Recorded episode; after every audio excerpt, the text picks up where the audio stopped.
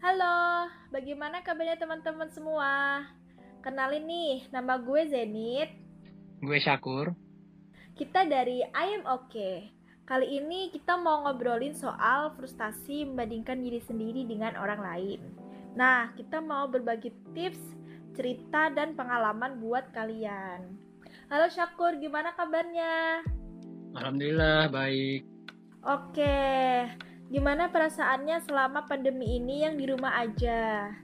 Jadi selama pandemi, gue merasa waktu luang menjadi lebih banyak karena kesibukan yang biasanya sekarang bisa hanya dikerjakan di rumah.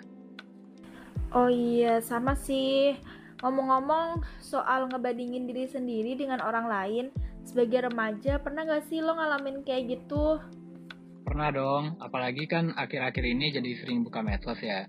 Di situ gue ngelihat banyak teman-teman gue mengunggah hal-hal produktif, seperti ikut kelas memasak, menulis, bikin konten-konten menarik, mulai punya bisnis, dan banyak lainnya. Nah, kadang hal ini tuh bisa bikin gue ngebandingin diri sama orang lain. Ya, sebagai seorang remaja yang sedang cari jati diri, sering tuh gue melihat teman-teman sebaya gue sebagai standar mengenai definisi keren buat gue. Nah, kayak kita tuh punya keinginan untuk mendapatkan kehidupan yang lebih baik. Oleh karena itu muncullah yang namanya social comparison atau perbandingan sosial. Tujuannya untuk mengoreksi diri kita agar bisa jadi lebih baik. Gimana caranya? Ya dengan membandingkannya dengan orang lain. Namun terkadang perbandingan ini memang jadi bikin kita kayak ngerasa lagi ikutan lomba yang gak ada ujungnya. Dan kita tuh selalu berada di bawah teman-teman kita.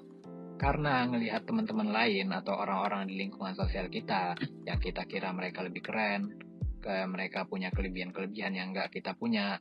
Jadinya kita menilai diri kita tuh lebih rendah dari mereka. Banyak aspek yang ada pada diri kita yang kita bandingin.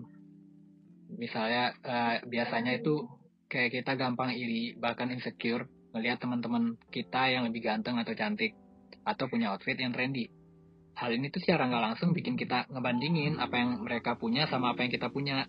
Terus dari aspek lain lagi, yang pada intinya, umumnya kita akan ngerasa ter terkesan dengan orang yang punya banyak pencapaian atas akademik, hobi, atau bakatnya. Hal ini juga berdampak terhadap rasa iri serta cemas sendiri. Oke, ternyata banyak juga ya aspek diri yang kita bandingin gitu. Terus kira-kira ada nggak sih faktor lain yang memicu diri kita untuk membandingin diri sendiri dengan orang lain? Kalau dilihat lagi, ada sih beberapa faktor yang menyebabkan kenapa kita suka membandingin diri dengan orang lain. Pertama, karena kita kurang mengetahui dan menyadari apa aja kelebihan dan kekurangan diri kita sendiri. Kita tuh sering kali terlalu fokus mengejar agar bisa kayak orang lain dengan segala kelebihannya mereka, yang jadinya kita luput untuk perhatian terhadap diri kita. Nah, kita jadi nggak sadar kalau kita tuh juga punya kelebihan. Contoh faktor lainnya yang paling sering memicu perbandingan sosial ini itu adalah akibat penggunaan media sosial. Wah, media sosial. Kayak gimana tuh maksudnya?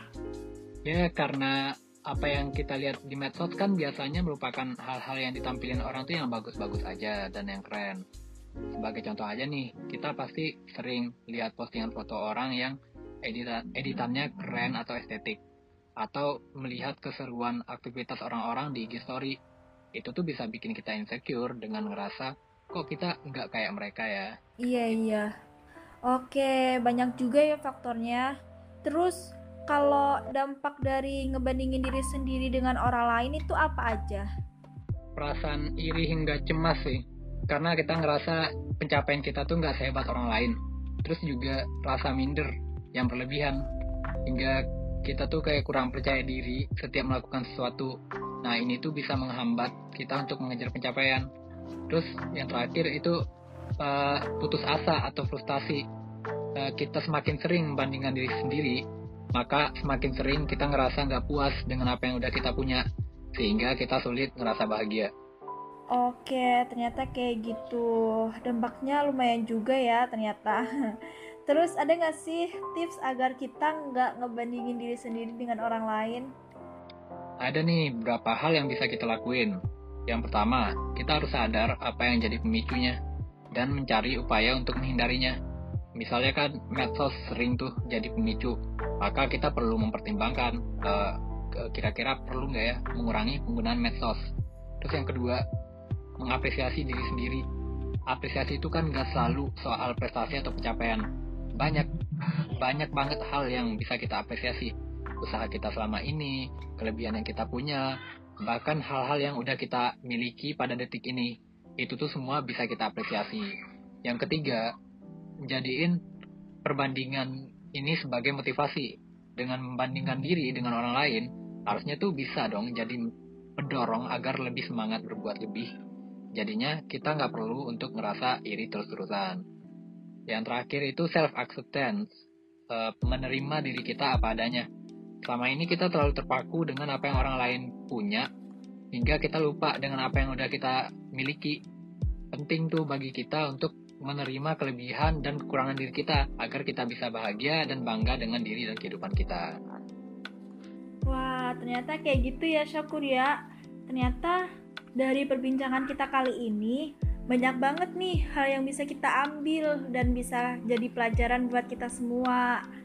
Um, by the way, yang bisa gue simpulin dari perbincangan kita kali ini, Ternyata dengan kita ngebandingin diri sendiri dengan orang lain dapat memberi dampak yang beragam ke kehidupan kita. Betul nggak? Iya benar. Dan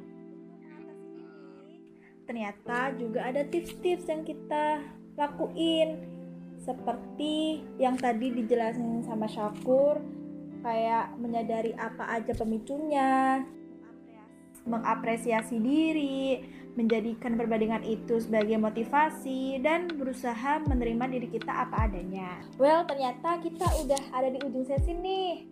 Terima kasih Syakur. Ya, sama-sama. Terima kasih juga untuk teman-teman yang udah ngedengerin podcast ini.